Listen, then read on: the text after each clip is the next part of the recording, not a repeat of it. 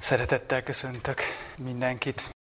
Kedves gyülekezet, a mai témával egy tulajdonképpen egyetlen szóval készültem, amiről közösen gondolkodjunk együtt. Ez a Bibliában egyetlen kifejezés, az Új Szövetségben egyetlen kifejezés. A magyar nyelv az többféleképpen adja vissza ezt a szót, és ez, ezt ilyen formákban találjuk a Bibliában, hogy hitvallás, vallás, megvallani valamit, eh, vallást tenni valamiről, és erről az egy gondolatról szeretnék a mai alkalommal egy kicsit eh, szólni, az előző negyed évben a zsidókhoz írt levelet tanulmányoztuk, és a zsidókhoz írt levélben ötször szerepel ez a kifejezés. És mindegyik alkalommal olyan fontos gondolatok kapcsolódnak hozzá, hogy azt hiszem, hogy méltó ez a gondolat arra, hogy foglalkozzunk vele egy, egy Isten tiszteletem.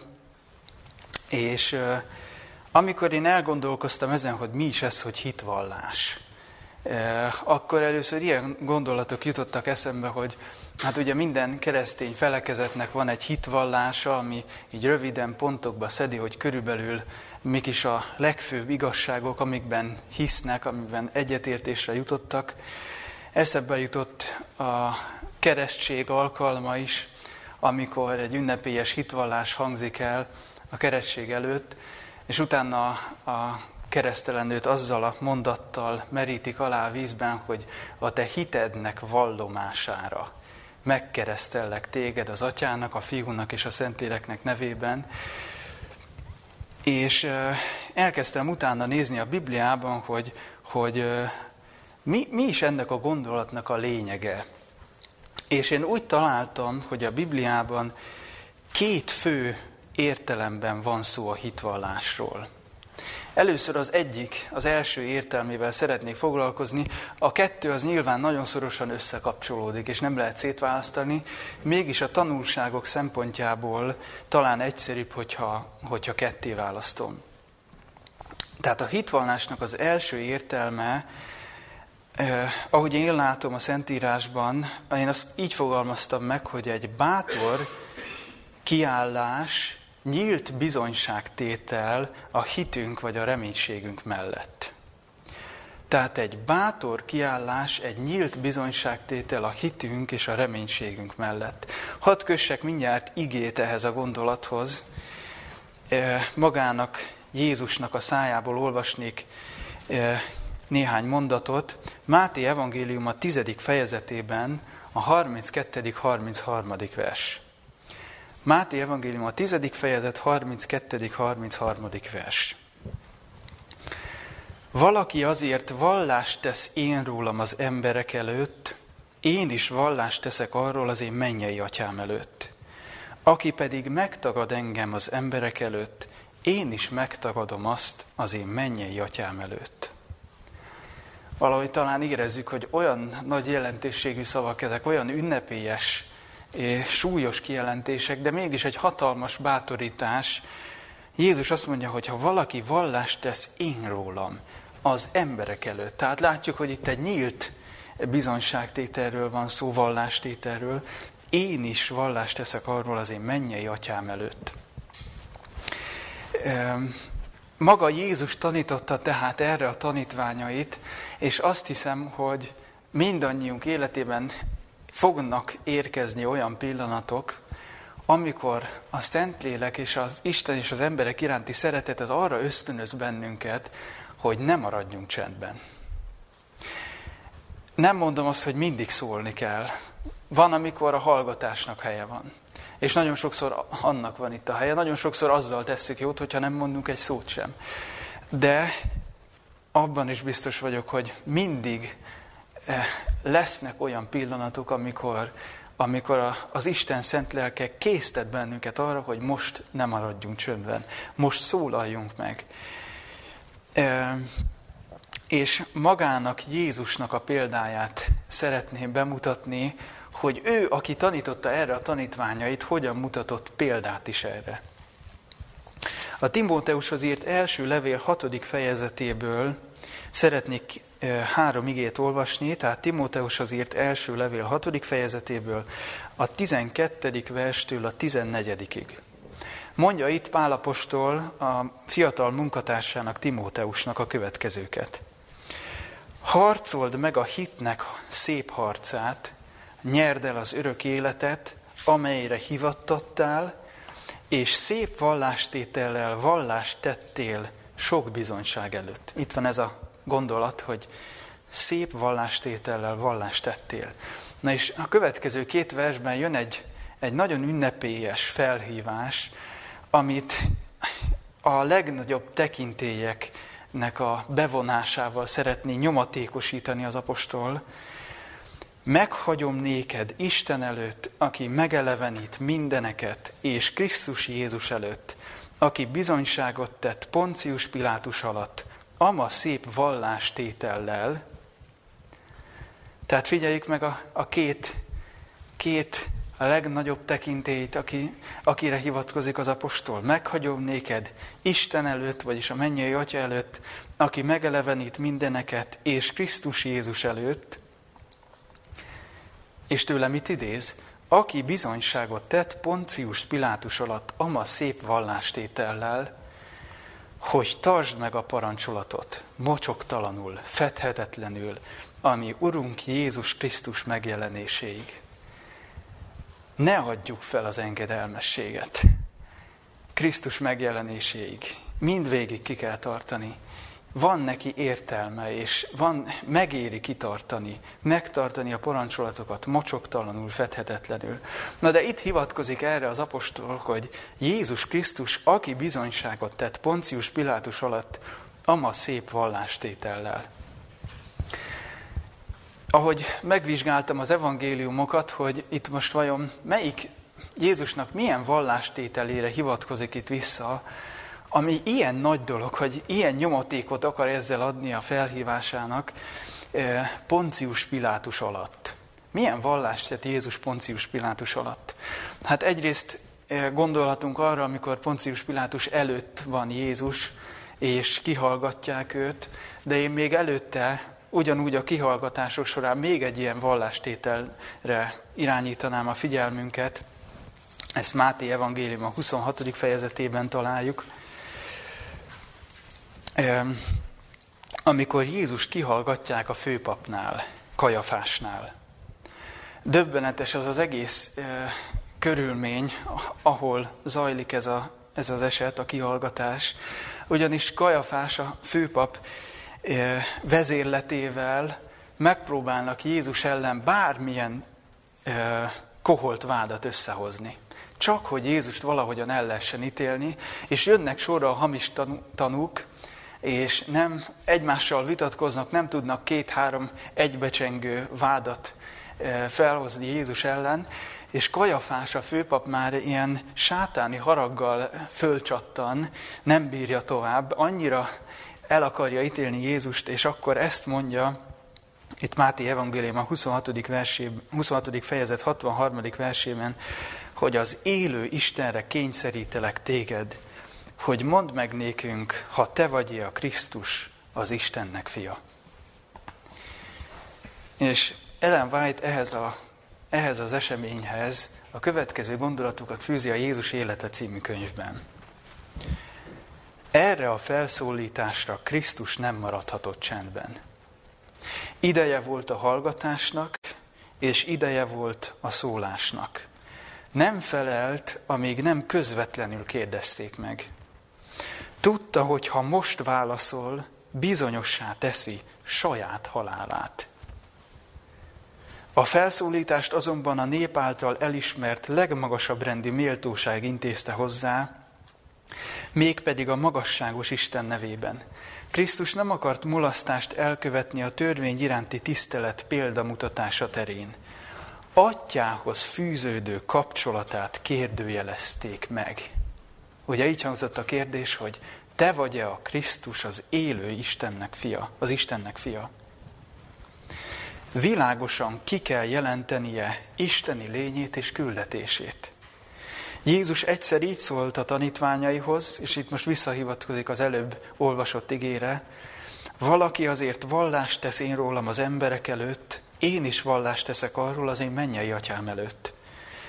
Most saját példájával erősítette meg ezt a tanítást. Mindenki figyelt, és minden szem Krisztus arcára szegeződött, miközben ő válaszolt. Te mondtad.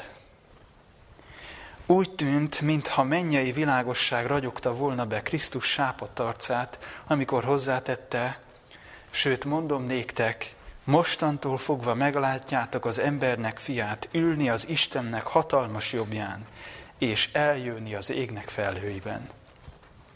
Micsoda döbbenetes jelenet, hogy a, az, aki részt vett a világ mindenség teremtésében, akiről azt olvassuk, hogy nála nélkül semmi sem lett, ami lett, és aki ítélni fog élőket és holtakat, ő ott áll egy emberi kihallgatáson, és sátáni haraggal fölszított emberek faggatják őt, záporoznak a hamis vádak, és Jézus egyetlen szót nem szól erre. Itt látjuk, hogy ez a hitvallás, ez a bátor hitvallás, ez nem egy ilyen emberi felindultságból fakadt, hogy na majd én meg, meg, megmondom, hogy mi az igazság.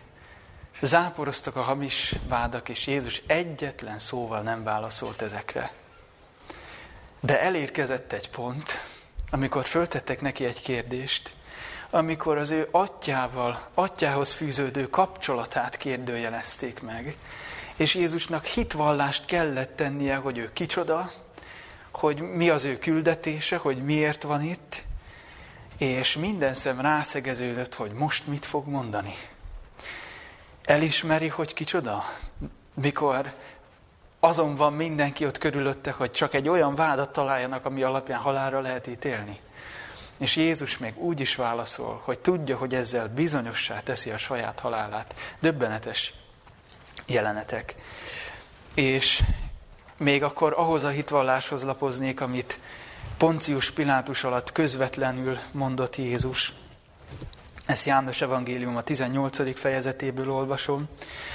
Döbbenetes itt is a, a, a menete a beszélgetésnek, hogy látja Pilátus, hogy minden áron el akarják ítélni, ítéltetni Jézust, és fölteszi a kérdést itt a 33. versben, hogy te vagy a zsidók királya? És akkor Jézus visszakérdez, hogy magadtól mondod ezt, vagy csak mások beszélték néked e- ezt én felőlem. Most tényleg te vagy kíváncsi rá, vagy csak azért kérdezed, mert mások mindenáron valamit e, ki, ki akarnak mondatni veled. E, és akkor tovább kérdez Pilátus, vagy zsidó vagyok én? A te néped és a papi fejedelmek adtak téged az én kezembe. Mit cselekedtél? E, és felelt Jézus, az én országom nem e világból való.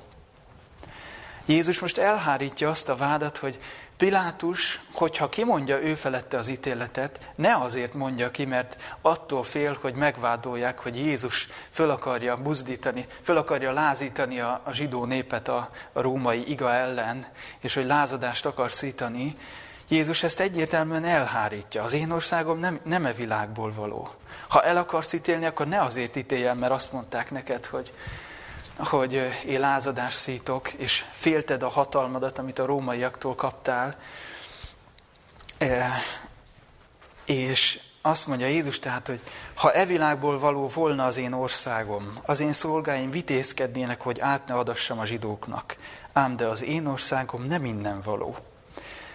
És egy ilyen kijelentésre Pilátus visszakérdez, király vagy én, hát te csak ugyan. Hogy, hogy nem azt kérdezni Pilátus, hogy hát neked elment az eszed? Mi az, hogy nem, nem innen val, nem ebből a világból való a te országod? Nem őrültnek nézi Jézust? Jézus, ahogy viselkedett a kihallgatásokon, az a, az a szelítség, az az alázat, és az a méltósága, hogy viselte a, azokat az embertelen körülményeket, az egész éjszaka tartó kihallgatás sorozatot, és mindent. Pilátusban az a meggyőződés kezd talán fölébredni, hogy ez az ember nem lehet más, csak egy király. Így ember nem viselkedhet, ha csak nem a legnagyobb király ennek a földnek. Ilyen méltóság teljesen.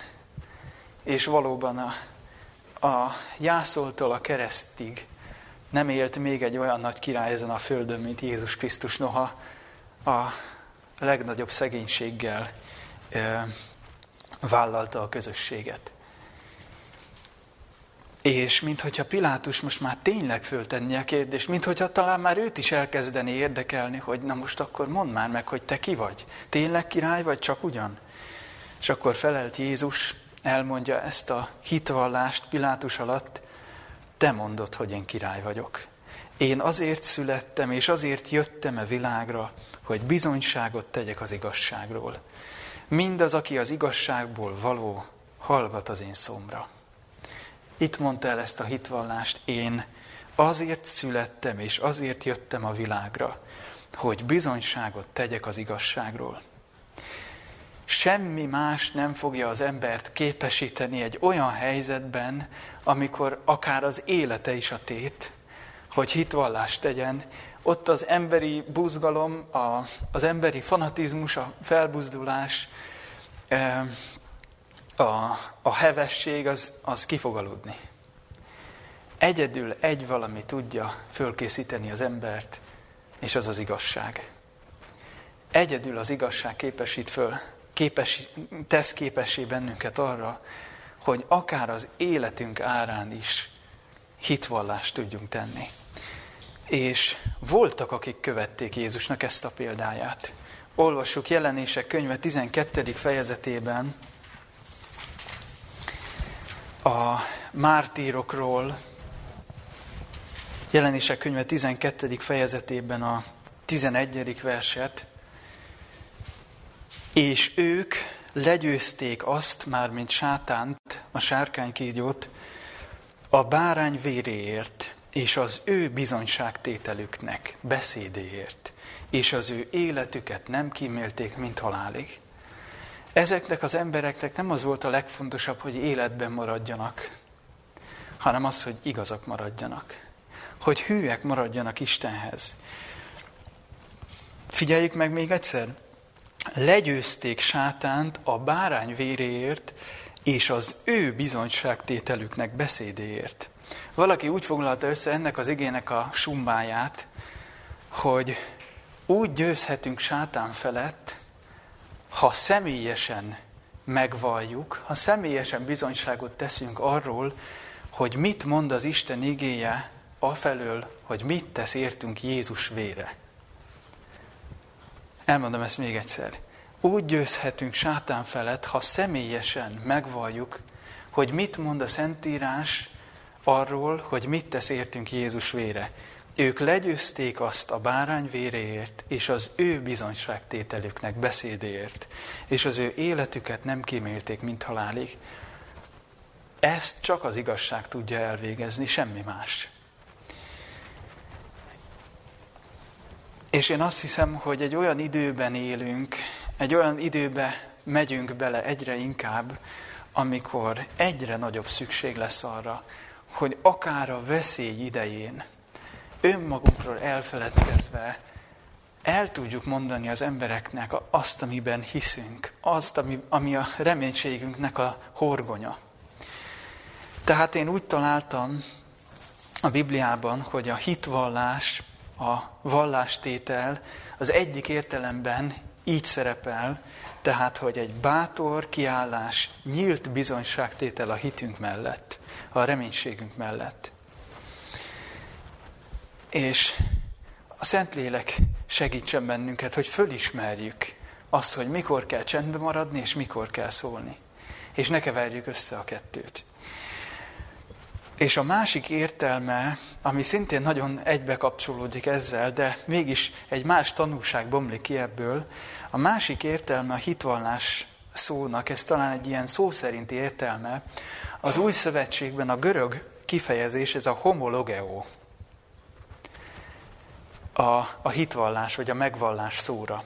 Ez két kis szóból van összetéve, a homosz és a logeo. A homosz az annyit jelent, hogy ugyanaz, egyenlő, közös. A logeo az pedig azt jelenti, hogy mondani. Ugye a logos szóval párhuzamban, csak ez az igei megfelelője.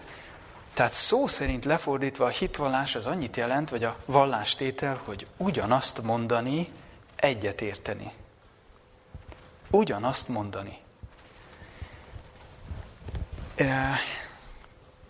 Hadd fussak neki ennek a gondolatnak egy picit távolabbról. Ugyanazt mondani, egyetérteni. A bűneset előtt az ember és az Isten között tökéletes harmónia, tökéletes egyetértés volt. Az Isten gondolata, minden gondolata az teljes e, e, szívbeli azonosulásra talált az emberben.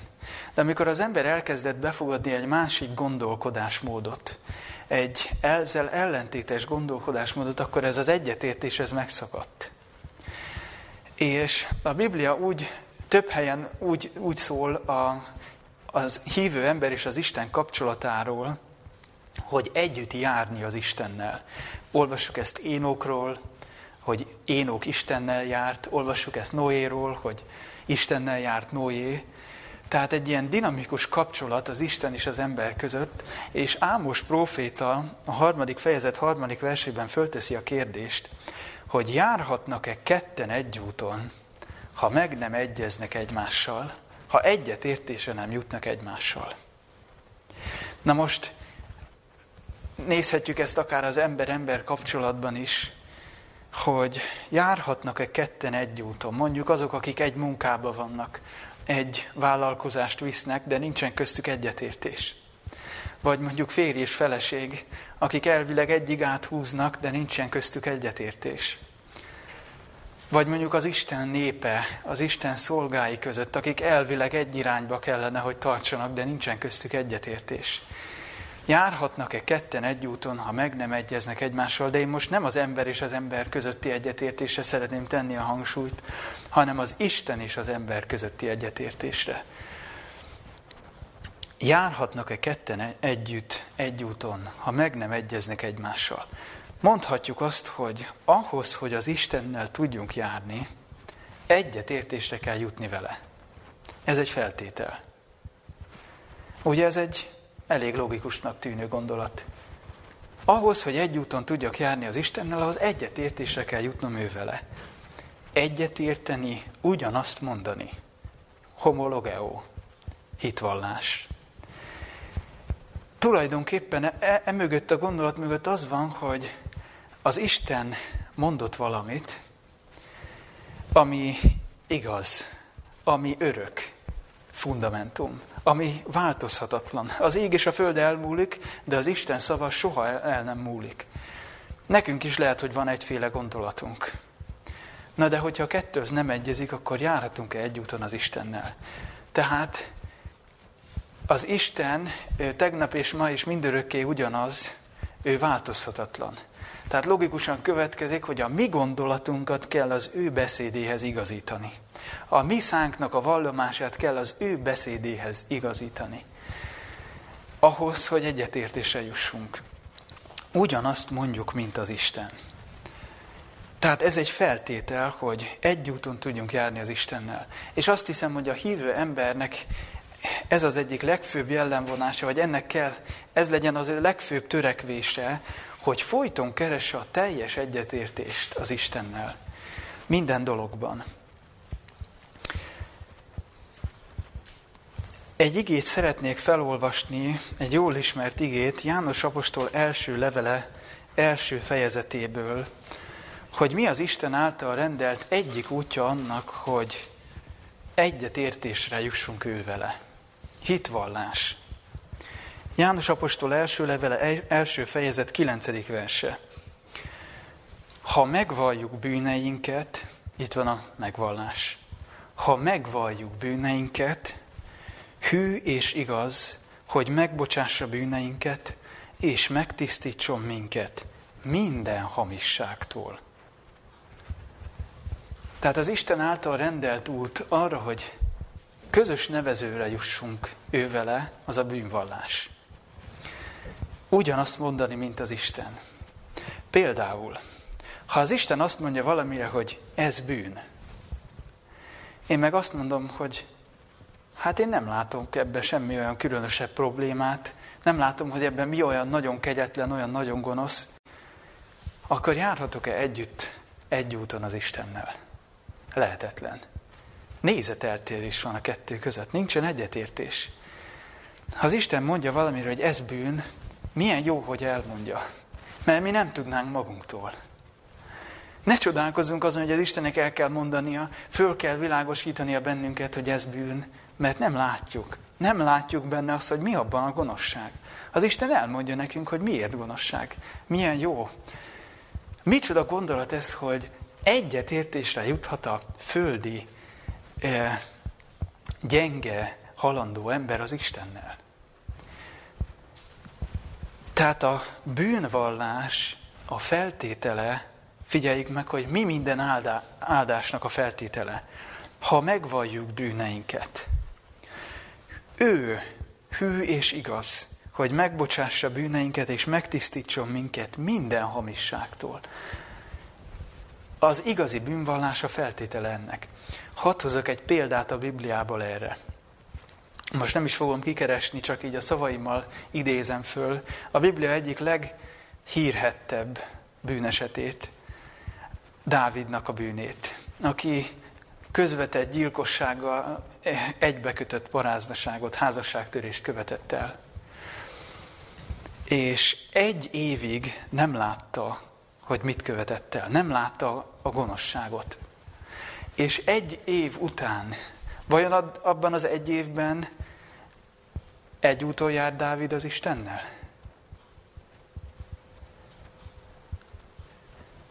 Hát nem, persze, hogy nem.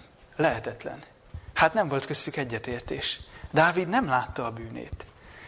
És akkor az Isten egy üzenetet küldött Nátán profétán keresztül, és rámutatott a proféta arra, hogy te vagy az az ember, aki gonoszságot követtél el, és a Dávidnak a bűnbánati Zsoltárából tudjuk, hogy a Szentlélek tényleg meggyőzte őt arról, hogy bűnt követett el.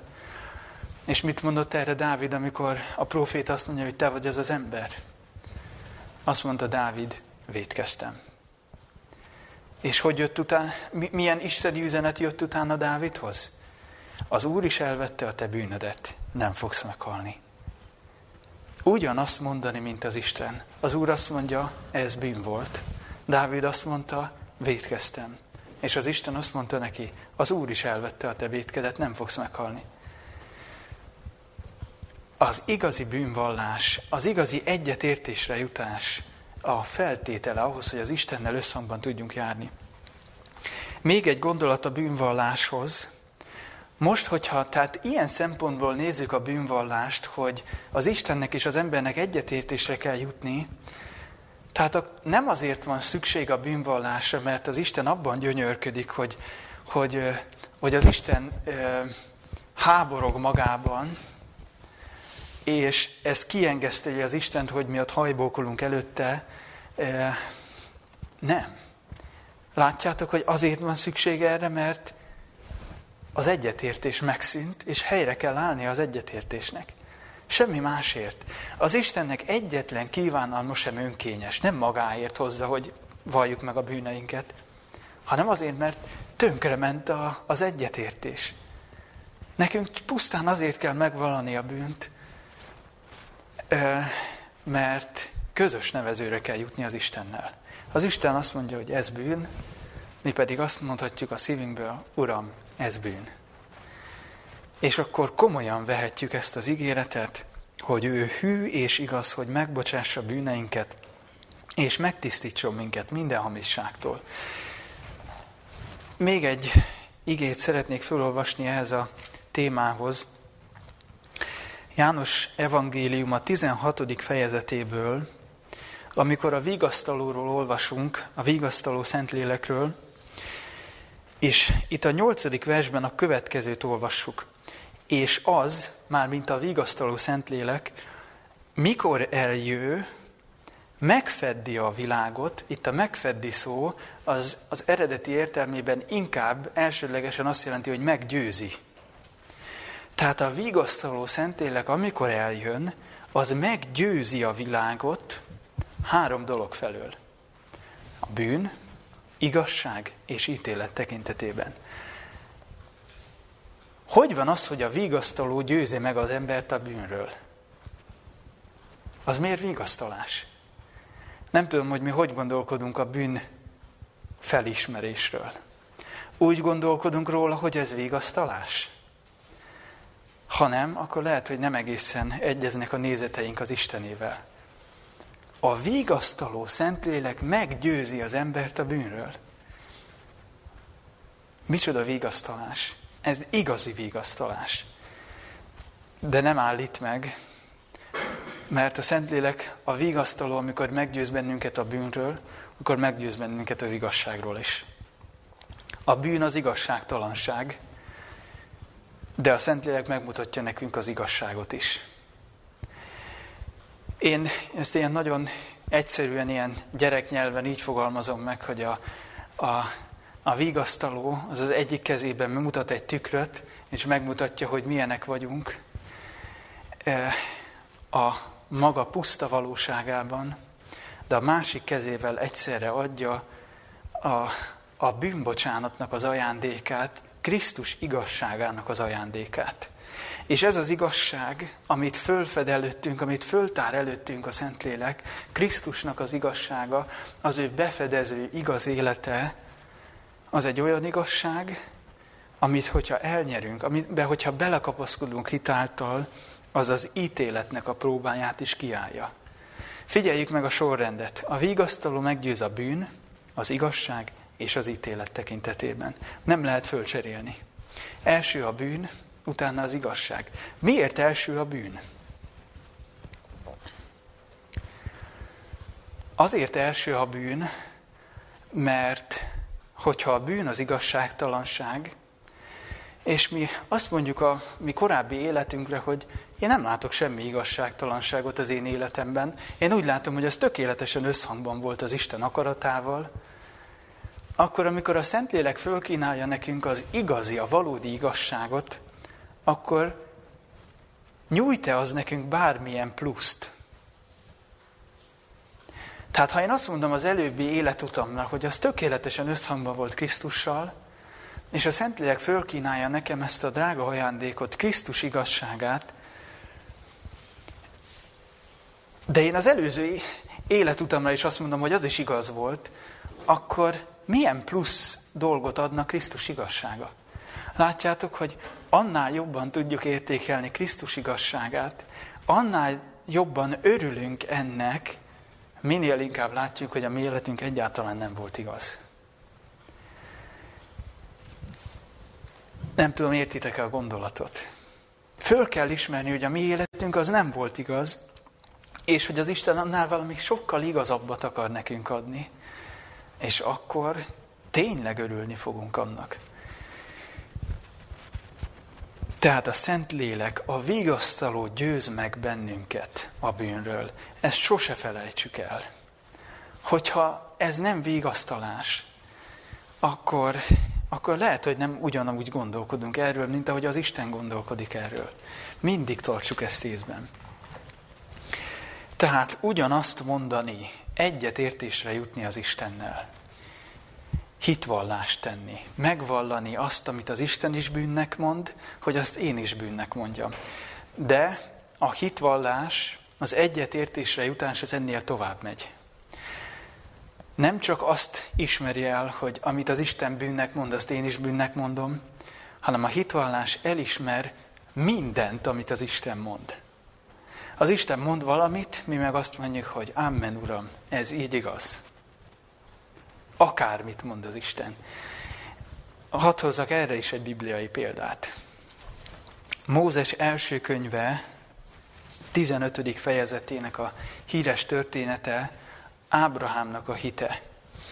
Itt a Mózes első könyve 15. fejezetének az elején ö, olvassuk ezt, hogy Ábrahámot az Isten kihívja az ő sátrából éjszaka, és azt mondja neki, miután Ábrahám volt gyötrődött magában, és egy bizonyságot kért magában, hogy az Isten adjon félreérthetetlen bizonyságot, hogy, hogy, az, hogy az ő magzatja, hogy, hogy egyrészt, hogy lesz örököse, és hogy, és hogy lesz, aki tovább vigye az ő örökségét, és birtokba vegye Kánaánt. És akkor az Isten kihívja Ábrahámot a sátorból, miután éjszakai látásban szólt hozzá, és azt mondja neki, hogy, hogy tekints fel az égre, és számláld meg a csillagokat, ha azokat megszámlálhatod. És mondta neki, így lesz a te magod.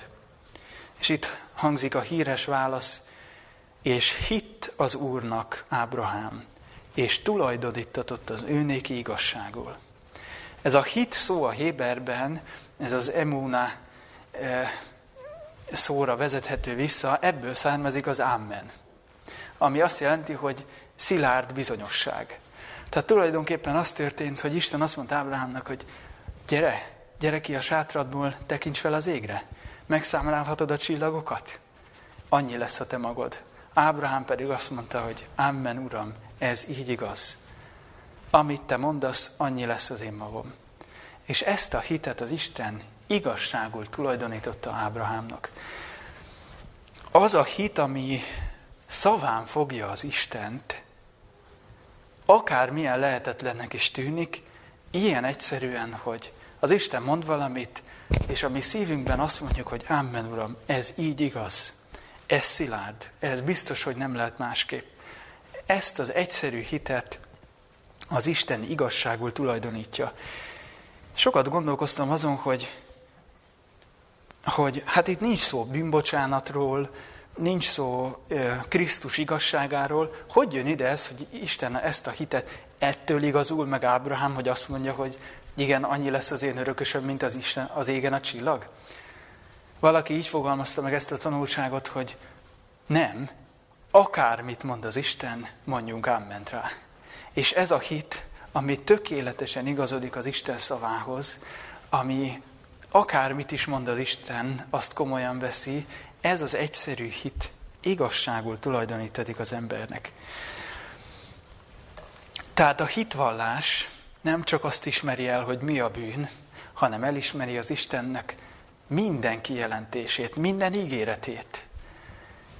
Ugyanazt mondja, mint az Isten. Nem mond semmi többet, nem akar hozzátenni, nem akar elvenni, csak annyit mond, amit az Isten mond, abba viszont bizonyos, hogy az biztos, hogy úgy van.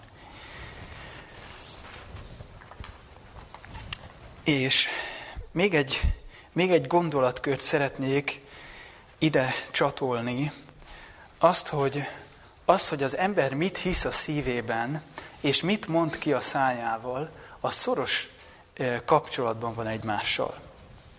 Néhány igét hadd olvassak ezzel kapcsolatban. Az elsőt a Korintusi második levél negyedik fejezetéből, a 13. vers. Tehát a korintusiakhoz írt második levél, negyedik fejezete, 13. verse. Mivel, hogy pedig a hitnek mi bennünk is ugyanaz a lelke van meg, amint írva van, hittem, és azért szóltam, hiszünk mi is, és azért szólunk.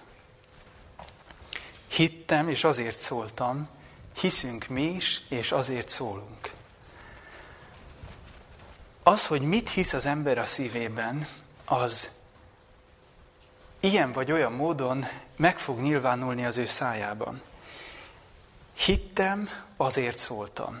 Itt van egy ilyen kapcsolat, hogy az ember mit hisz a szívében, és, és mit mond ki a szájával. Ez egy ilyen oda-visszaható kapcsolat. Jézus azt is mondja az evangéliumokban, hogy a szív teljességéből szól a száj. Amivel tele van a szívünk, az a szánkon ki fog jönni, ilyen vagy olyan módon. Ha valaki nem szól semmit, az is, az is egy megnyilvánulás. Jézus, amikor Heródes előtt állt a kihallgatáson, nem szólt egyetlen szót sem, és ennek a pökhendi e, uralkodónak ez volt a legnagyobb feddés. Mi az, hogy ez a valaki nem válaszol az én kérdésemre? Ha valaki nem mond semmit, az is egy felelet. De hadd olvassak még egy igét, ezt a római levél tizedik fejezetéből olvasom. A római levél tizedik fejezetének a nyolcadik, kilencedik és tizedik verse. Közel hozzád a beszéd, a szádban és a szívedben van, azaz a hit beszéde, amelyet mi hirdetünk. Mert ha te száddal vallást teszel az Úr Jézusról, és szívedben hiszed, hogy az Isten feltámasztotta őt a halálból, megtartatsz. Mert szívvel hiszünk az igazságra, szájjal teszünk pedig vallást az üdvösségre. Figyeljük meg, hogy kétszer úgy hangzik el, hogy először van a száj, és utána a szív. Közel hozzád a beszéd a szádban és a szívedben. Kilencedik vers, mert ha te száddal vallást teszel az Úr Jézusról, és szívedben hiszed, hogy az Isten feltámasztotta őt a halálból, megtartatsz. És harmadszorra fölcserélődik a sorrend, mert szívvel hiszünk az igazságra, szájjal teszünk pedig vallást az üdvösségre.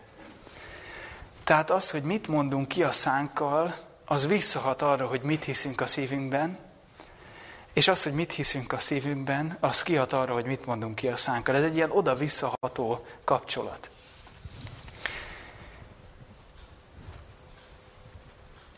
Ha a szívedben hiszed, hogy az Isten feltámasztotta őt a halálból, hisszük, hogy Krisztus föltámadt a halálból? Igazán elhisszük, hogy őt az Isten kihozta a halálból? Hogy van csoda? A halálból való feltámadás? És hisszük, hogyha közös nevezőre jutunk az Istennel, hogyha a szívünket is odaadjuk ő neki, alárendeljük az Istennek, és, és készek vagyunk egyetértésre jutni az Istenben, akkor minket is föltámaszt a lelki halálból. Figyeljük meg, szájjal teszünk vallást az üdvösségre. Ez nem kis dolog, nem? Az üdvösség a tét. És az angol nyelvben az a gondolat, hogy megtanulni valamit fejből, vagy megtanulni valamit kívülről, az úgy, úgy adja vissza az angol nyelv, hogy megtanulni valamit szívből. A Héber nyelv viszont úgy, úgy adja vissza, hogy megtanulni valamit szájból. Nem tudom, hogy ki hogyan tanult mondjuk az iskolában, akár verset, akár a szorzótáblát, de szerintem a legtöbben úgy tanultuk, hogy mondogattuk, hogy egyszer egy az egy, kétszer egy az kettő, háromszer egy az három, és annyiszor elmondtuk, hogy úgy belénk vésődött, hogy nem tudjuk eltéveszteni, még álmunkból fölismer, fölébredve is tudjuk. Én most nem akarom a szorzótáblához hasonlítani az üdvösségnek a nagy e, tanulságait, ne értsetek félre. De van egy ilyen tanulság, hogy amit a szánkkal kiejtünk, amit engedünk megfogalmazni, az visszahat ránk, hogy mi van a szívünkben. És valahol a héber nyelv, meg az angol nyelv is egy-egy nagyon igaz gondolatot ad vissza. Megtanulni valamit szájból, vagy megtanulni valamit szívből. Hadd olvassak egy idézetet Ellen White-tól a Nagyorvos lábnyomán című könyvből, a 175. oldalról. Lényünk törvénye.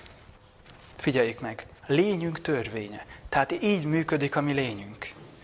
Lényünk törvénye az, hogy gondolataink és érzéseink elmélyülnek, és nagyobb súlyt kapnak, ha kifejezzük őket.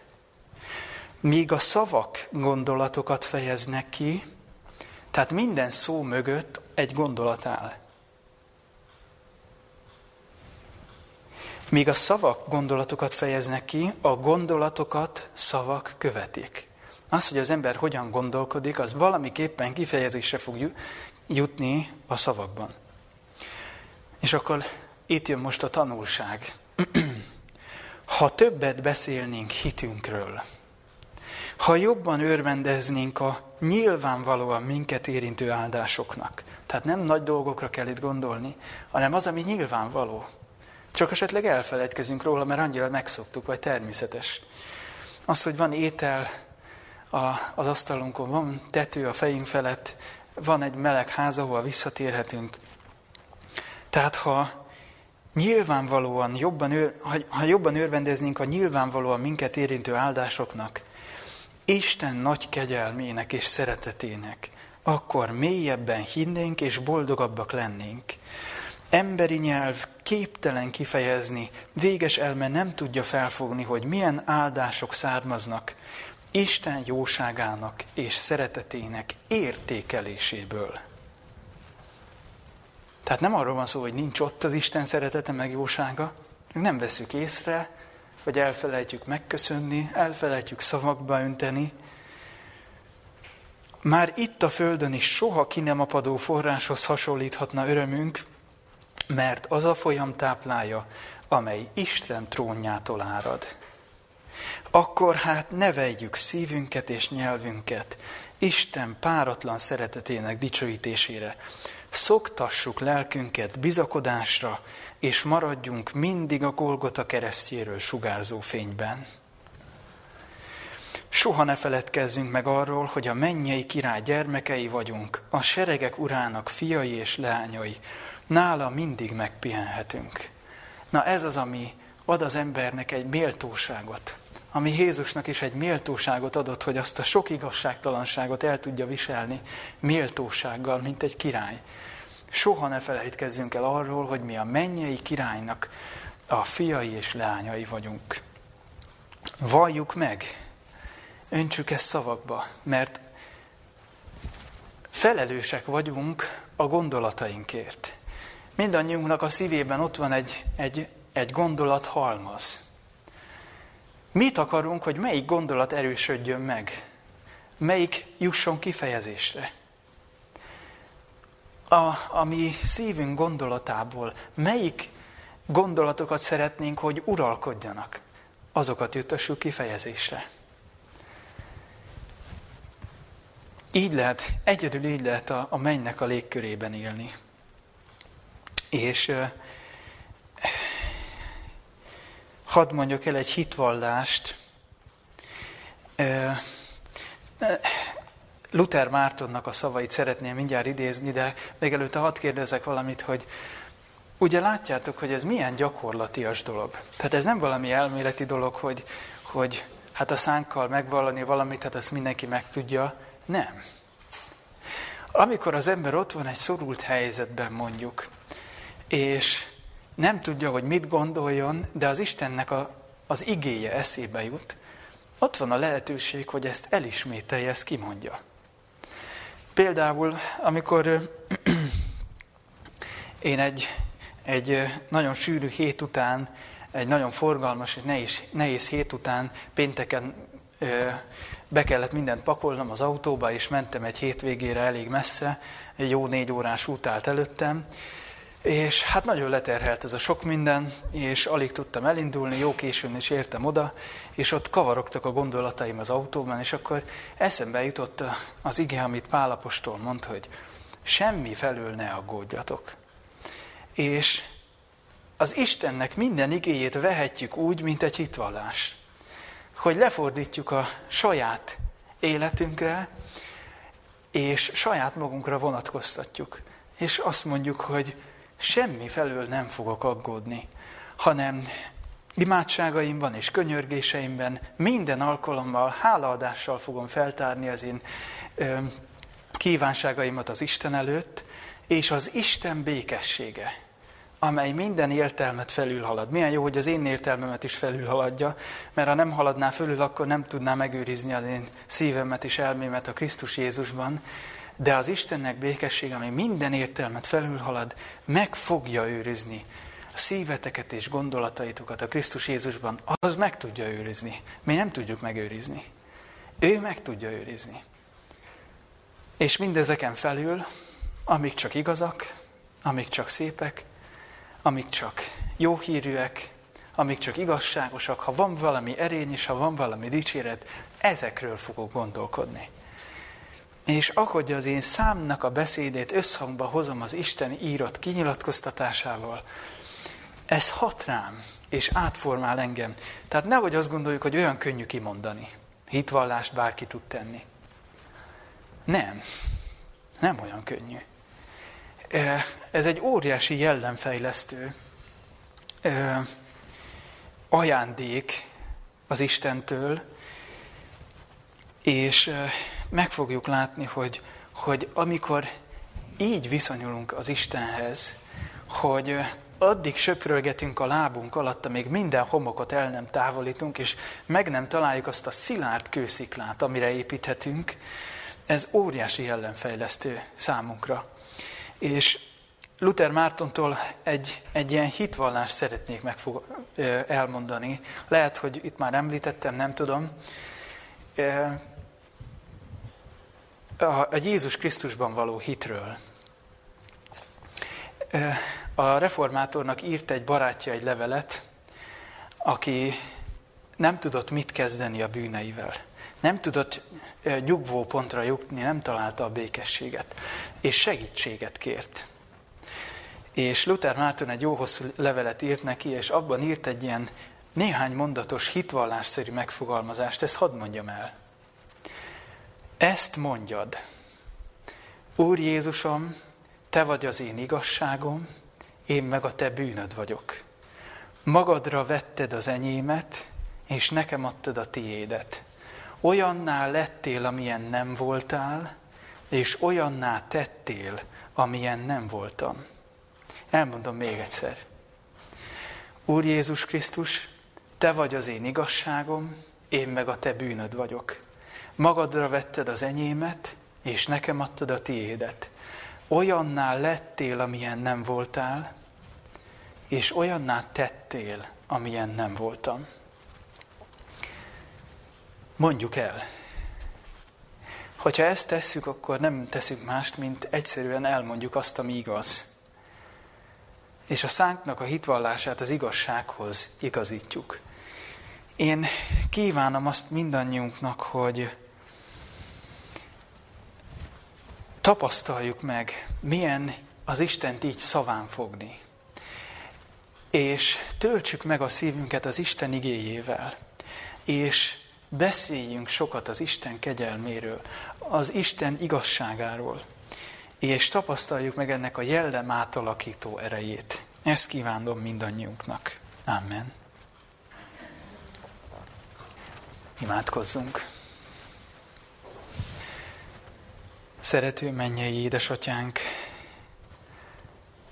nagyon köszönjük neked a te igédet, a, azt a tévedhetetlen és biztos útmutatót, ami mellett biztosan nem fogunk tévedni. De Urunk, óv meg bennünket a magabízástól. Add meg nekünk azt a lelkületet, ami alázattal aláveti magát minden kinyilatkoztatott szónak, amit Te mondasz nekünk. És törzsd meg a mi szívünket reménységgel, hogy az a szó, amit Te kiejtettél, az megcselekszi bennünk azt, amit, amit Te meg elkívánsz azáltal végezni. Köszönjük, mennyei atyánk, hogy nem kell tévejegnünk, és ami gondolatainkat összhangra hozhatjuk a Te kinyilatkoztatott igéddel. Tölts meg bennünket azzal a lelkiséggel, azzal a hozzáállással, azzal a vágyjal, hogy az egész életünket akarjuk összhangba hozni Te veled. Hogy mi is tudjunk olyan méltósággal viseltetni az igazságtalan helyzetekben, ahogy Jézus is tette. Köszönjük mennyei atyánk a hitvallás ajándékát. Köszönjük, hogy megmutattad nekünk azt, hogy, hogy szükséges, hogy minden dologban keressük az egyetértést a te akaratoddal, és bocsásd meg nekünk azt, hogy olyan sokszor késlekedünk. Bocsáss meg nekünk azt, hogy ha vannak olyan bűnök a mi életünkben, amiről a te vigasztaló szent lelked már meggyőzött bennünket, hogy bűn, de mi mégis engedjük újra és újra visszakúszni a mi életünkbe. Óvd meg bennünket ettől, Istenünk. És köszönjük, hogy a Te békességed, a Te igéd, mikor azt a szívünkbe rejtjük, az tényleg meg tud bennünket óvni ettől pajsként. Köszönjük, hogy szólhattunk hozzád. Jézus Krisztus nevében. Amen.